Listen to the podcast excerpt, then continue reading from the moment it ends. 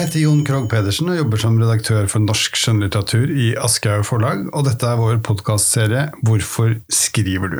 Her inviterer vi våre forfattere i studio og tillater oss å spørre og grave om deres mer eller mindre hemmelige metoder, hva det er som motiverer dem, og hvordan og hvorfor de jobber som de gjør. I dag er jeg så heldig å ha med meg i studio Helga Flatland. Velkommen. Tusen takk. Hyggelig at du ville komme. Ja, Veldig hyggelig å være her. dele noen hemmeligheter med oss. Mm. du eh, venter nå på at romanen din eh, skal komme fra trykkeriet eh, om to uker. Hvordan har du det nå? Ikke bra i det hele tatt. Det er nerver. Ja, det er bare nerver. Nei da, altså Det er jo en det er jo det er, det er litt blandet, da. For enn så lenge så kan jeg jo på en måte slappe av at ingen har lest den. At jeg slipper å forholde meg til at den er ute i verden. Eh, så sånn sett så er det jo en sånn eh, litt sånn god følelse av at det fremdeles bare er liksom min. Eh, at jeg kan holde litt på den skrivemodusen, eller være litt mer i Eller holde på skrivemodus, da, rett og slett. Som jo er bare meg og teksten. Eh, så det er jo i og for seg fint. Men så er det jo det grusomme å vente på anmeldelser, som jeg går ut fra at eh, både forfattere og andre som venter på noe, en slags eksamensdom eller hva som helst, kan kjenne seg igjen i. Som er fæl, altså. Og det blir ikke noe bedre selv om du har holdt på en stund. Nei, og jeg syns faktisk at denne gangen er det eh, nesten Verre noensinne. Ja, det er verre enn noensinne. Jeg tuller ikke. Ja, jeg er mer eh, nervøs nå enn jeg har vært. For første, første boken, da tenker man ikke altså, da, altså, ja, Du kan tenke at ja, og jeg håper jeg får gode, men da er alt en bonus. ikke sant? Jeg husker alt var en bonus med den første boka. Da er man glad for å få lov til å debutere som forfatter, kanskje bare? Ja, altså, Jeg ble veldig glad for å debutere som forfatter. Det var den største. Altså, og utover det så var det liksom alt annet enn eh, bonus. Det var jo en bonus at noen andre enn moren min leste boken. ikke sant? Eh, at det var noen andre som hadde kjøpt den. Det var jo helt sykt da jeg skjønte at det var flere enn fem stykker som var de innerste familien min som hadde kjøpt den. Du eh, debuterte i 2010 med 'Bli hvis du kan, reis hvis du må'. Og den fikk du Tarjei Vesaas debutantpris for. Mm. Og den ble til en trilogi året etter allerede, var det det? Da kom uh, 'Alle vil hjem, ingen vil tilbake'. Ja. Og to det to år. to år til 'Det finnes ingen helhet'. Visste du, eller når ble du klar over at det skulle bli en trilogi? Det var etter at jeg var ferdig med den første boka. Um, Fikk du blod på tann? Jeg gjorde det. Jeg fikk blod på tann. Uh, og ikke nødvendigvis bare som jeg sa at det var så gøy å gi ut en bok. Det var ikke det som ga meg blod på tann, men det som var um, spennende for meg med, med den uh, prosessen, det var jo at jeg eh, hadde jo da skrevet et ganske sånn stort Jeg spente opp et ganske stort lerret, da. Rett og slett eh, med mange karakterer, mange bikarakterer. En fiktiv liten bygd som jeg hadde laget. Eh, som i og for seg ligner jo på hjembygda mi i Flatholm, men, eh, men, men likevel, den er fiktiv. Og, den, og, og med ganske mange eh, temaer tilhørende disse karakterene og bikarakterene som jeg var eh, Som jeg hadde liksom bare lyst til å skrive mer om. Og så var det jo sånn at den boka hvis du kan, reise hvis du må, den var jo ferdig. Eh, rent sånn, også sånn formmessig. Jeg er litt opptatt av form. sånn at den, Der hadde jeg liksom fire kapitler hvor to annethvert kapittel sto liksom mot hverandre og snakket med hverandre. Så den kunne jeg ikke utvide. Eh, Så da tenkte jeg ok, men da skriver jeg Og så liksom to hørtes jo litt sånn to bøker, jeg vet ikke. Um, jeg følte at det liksom måtte være en trilogi. da. Ja, så da, da bestemte jeg meg for at det skulle bli en trilogi. Litt, eh, litt ambisiøs når jeg ser tilbake på det nå. At det var sånn, ok, en, bare debutere med en trilogi. Men eh, da var jeg jo ung og eh, uvitende om dette som jo skulle bli Viste seg å være prestasjonsangst og det ene med det andre, som bare er grusomt. Jo, men du, du, det gikk jo veldig bra. Ja, ja, den, ja det gikk fint. Og, og, du, og du fikk på en måte fullført det du hadde planlagt. Det er noe av det jeg lurer på når jeg ser på hvordan eh, forfattere skriver, eller prøver å tenke meg hvordan de skriver. Er, er det planmessig, eller er det intuitivt, eller er det liksom, Hvor er det de henter Og da kan jeg spørre deg. Hvor er det du Uh, hvor er det du starter den? Er, det du, er det en scene, er det en replikk, er det en følelse, er det et tema? Eller er det Hvor kommer det fra?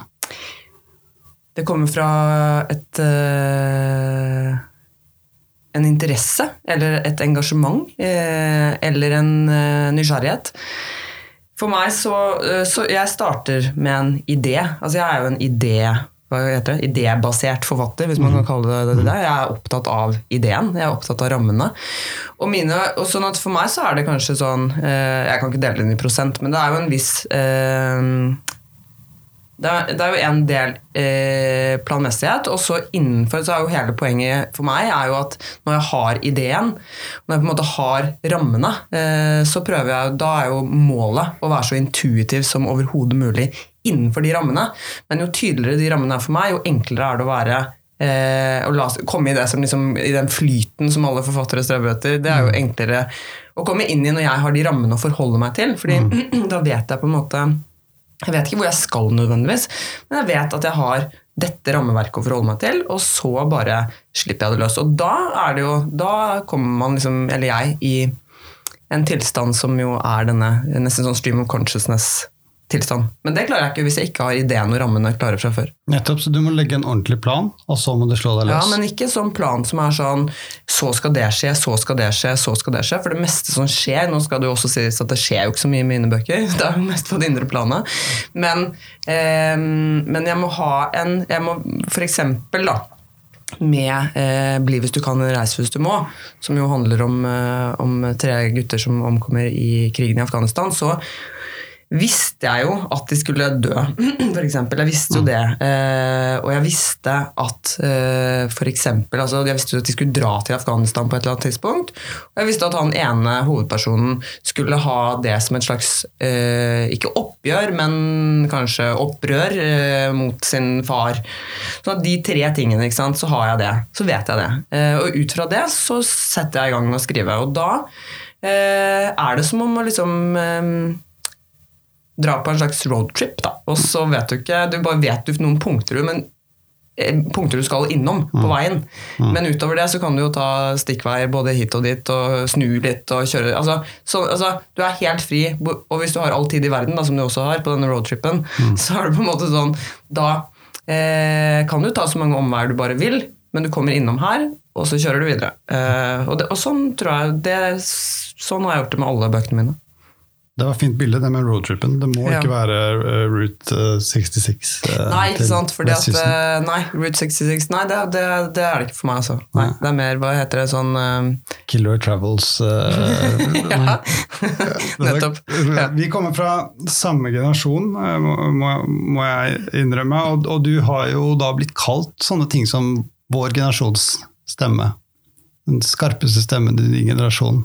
Var det ikke du som nettopp skrev det bakpå bukken boken min? Ja, Det er jo på en måte litt avslørende, da. Men, men det, det, har jeg, det, det, har jeg, sett andre uh, bruke mange ganger. Altså, du har uh, Noe av det som skjer når man slår gjennom som ung forfatter med en trilogi som du gjorde tidlig, um, har jo lett for å få sånne merkelapper på seg. Hvordan har du det med en sånn type betegnelse? Er det, er det stressende, eller er det liksom Eh, jeg skal For å være helt ærlig og uten å kokettere, så tenker jeg ikke så veldig mye på akkurat det. Eh, at eh, For det første så har jeg ikke sett at så mange har sagt akkurat det, men, men, at jeg har fått mye oppmerksomhet og på en måte eh, vært veldig, også veldig heldig, da, det skal jo sies, med, med at jeg har nådd bredt ut og, og fått eh, ja, øh, oppmerksomhet for bøkene mine. Det gjør jo at jeg øh, Altså, det er Jeg er veldig glad for det, først og fremst. Utrolig glad for det. Og så er det selvfølgelig også veldig Jeg får prestasjonsangst av det. Og det er uunngåelig, men det er litt fint òg, da. Det er jo en privilegert situasjon å være i, samtidig som det er stor fallhøyde. Ikke sant? Mm. Men, men, det er ikke sånn at du tenker at du har noe uoppgjort med din egen generasjon. Du vil vise frem en rekke problemer eh, jo, samfunnsmessige absolutt. som du vil til livs. Jeg har store problemer med vår generasjon. Eh, og det burde jo de fleste ha med sin generasjon. Det er mange, vi, vi gjør mye rart, og vi, vi driver med eh, mange ting som jeg tenker at i hvert fall er fint å sette eh, søkelyset på og undersøke hvorfor gjør vi dette. Det er jo det som jeg gjør med skrivingen min. Som, hva, hva, hvorfor gjør vi som vi gjør? Hvorfor handler vi som vi handler? Hvorfor reagerer vi som vi reagerer både på hverandre, men også på liksom, eh, ja, verden, da, som jo er hverandre? Eh, og det syns jeg jo eh, Så jo, du kan godt kalle det et oppgjør med vår generasjon, men det er jo en eh, Samtidig også eh, en, en, stor grad av eh, både nysgjerrighet og velvilje og eh, Hva skal jeg kalle det? empati. Empatia, forståelse i hvert fall, for for det. da, også fordi at jeg, Det er jo en grunn til at jeg skriver det, jeg kjenner meg jo igjen i mange av karakterene ja. mine. Så, ja. Sånn sett så er det jo det en drivkraft, altså. I, I, Vingebelastning, som vel kom i 2015, og moderne, En moderne familie, som kom i 2017, så er det henholdsvis eh, altså I Vingebelastning så har vi en, en fyr som jobber i er det ikke reklamebransjen eller kommunikasjonsbransjen? Ja, kommunikasjonsbransjen. Som, som, er, som, blir deprimert, og som på en eller annen måte finner litt sånn nærmest litt sånn hvile i diagnosen, det, kan, kan, man si det sånn? Altså ja, absolutt. Overdiagnostisering som en slags sånn overordnet tema, kanskje? Ja. Eh, jeg husker jo da jeg skulle gi ut Vingebelastning, at jeg gjorde et intervju med en, eh, ja, en stor avis, eh, og så sa jeg at um, ikke, bare dere ikke bruker overskriften sånn 'ut mot diagnosesamfunnet'. Nettopp. For Du vil helst ikke liksom at det skal synes så veldig godt at du krangler på disse temaene. Altså i, i, i, en moderne familie så er det også Der er det uh, skilsmisse i eldre rekker. Altså der, er det, der, er det, der, er det, tre voksne barn som får et slags sjokk eller traume over at deres uh, aldrende foreldre skal uh, skille seg og på en måte selvrealiseres uh, litt når det er forbi.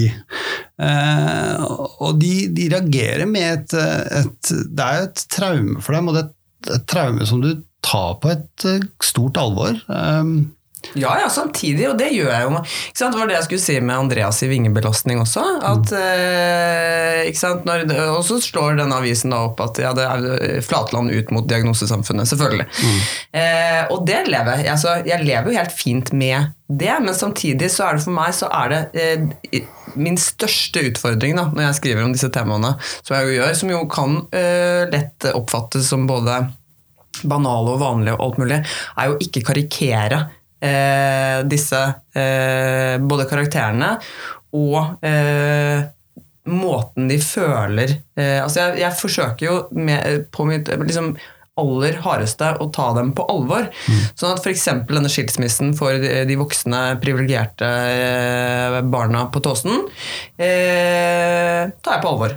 Mm. Eh, Andreas sin i vingebelastning sin følelse av å være veldig mistilpass og deprimert, ja, men også eh, hjemme i en diagnose, som jo, og hos denne psykologen han går til.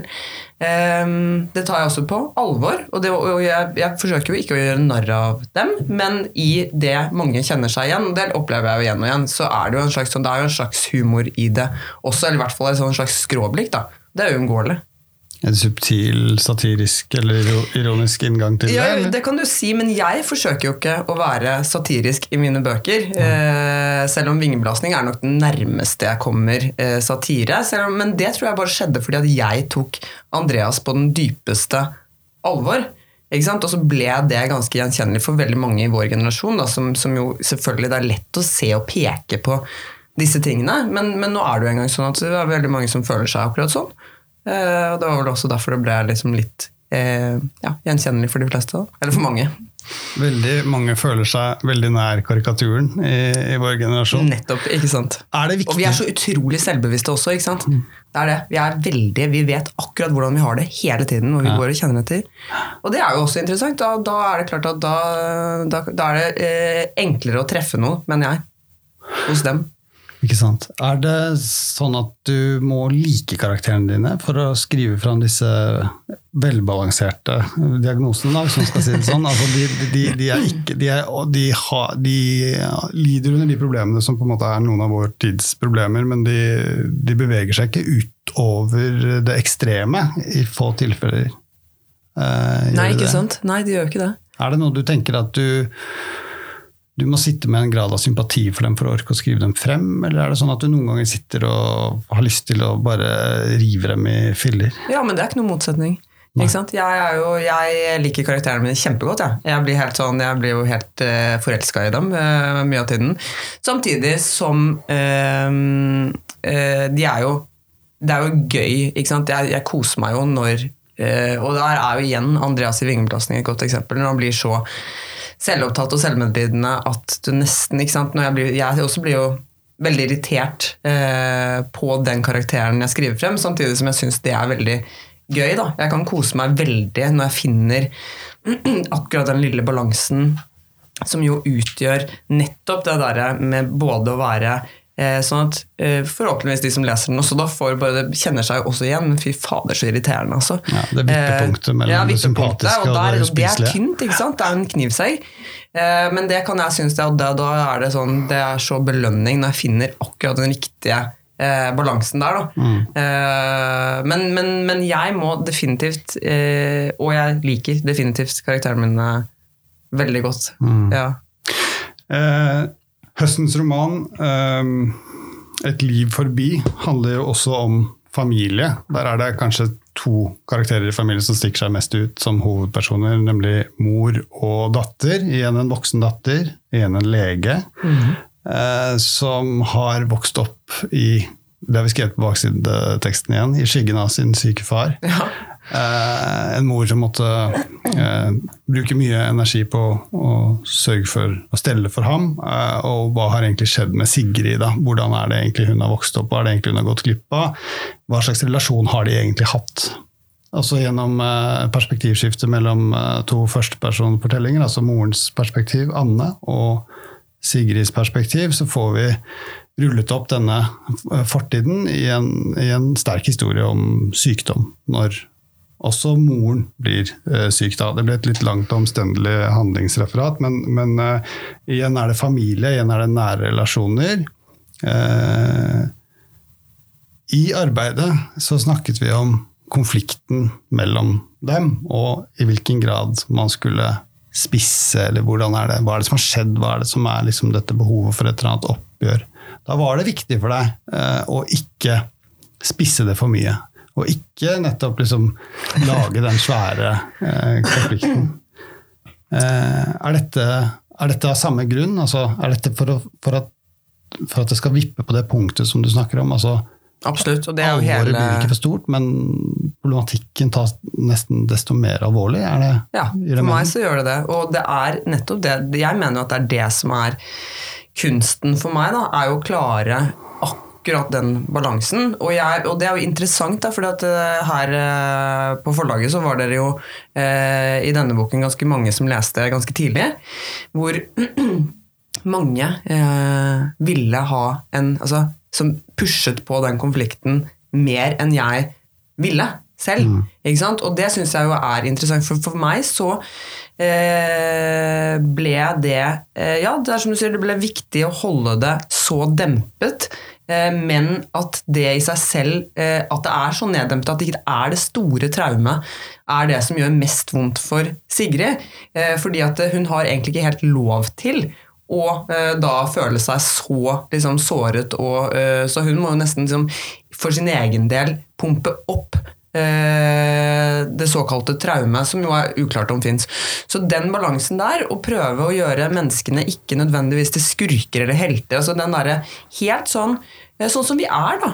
Ikke sant? Eh, De fleste av oss de fleste av oss har ikke de helt vanvittige traumene. Altså det, kan man, det er jo diskuterbart, selvfølgelig, men, men, men det der å holde, å klare å også holde eh, For det er jo fristende for meg også. Det er ikke det at det ikke er fristende å skru til noe helt vanvittig og bare pumpe ut uh, liksom, Det var mye vi kunne tatt av der, da, hvis du skal skape en, eh, en forsømt barndom. Uh, men jeg ville jo uh, utforske dette med at Sigrid føler jo mer enn kanskje det er grunn til at, uh, at hun har blitt det sviket som hun kjenner på. da. Og så er det jo feil å si at hun har grunn til, for det er klart at uh, det kan jo ikke noen utenfra komme og bestemme, men det er Sigrid selv som kanskje skaper det. Og sånne mekanismer i oss, i relasjonene våre og i oss selv, syns jeg er det mest interessante med å skrive. Uh, det er jo mye derfor jeg skriver, rett og slett. Der svarte du på spørsmålet som jeg slapp å stille, men det har gått frem av samtalen, Helga. Eh, du er veldig god på dette. Du er veldig god på det. Eh, jeg har skrevet notat 'empatiske blikket'. Altså, du, du har den der evnen til å se karakterene Gi dem talende detaljer, eh, blikk, eh, replikker som oppfattes ulikt, og som avdekker store avgrunner i våre relasjoner. Takk for at du kom, eh, og jeg gleder meg til mottakelsen av eh, Et liv forbi. Tusen takk.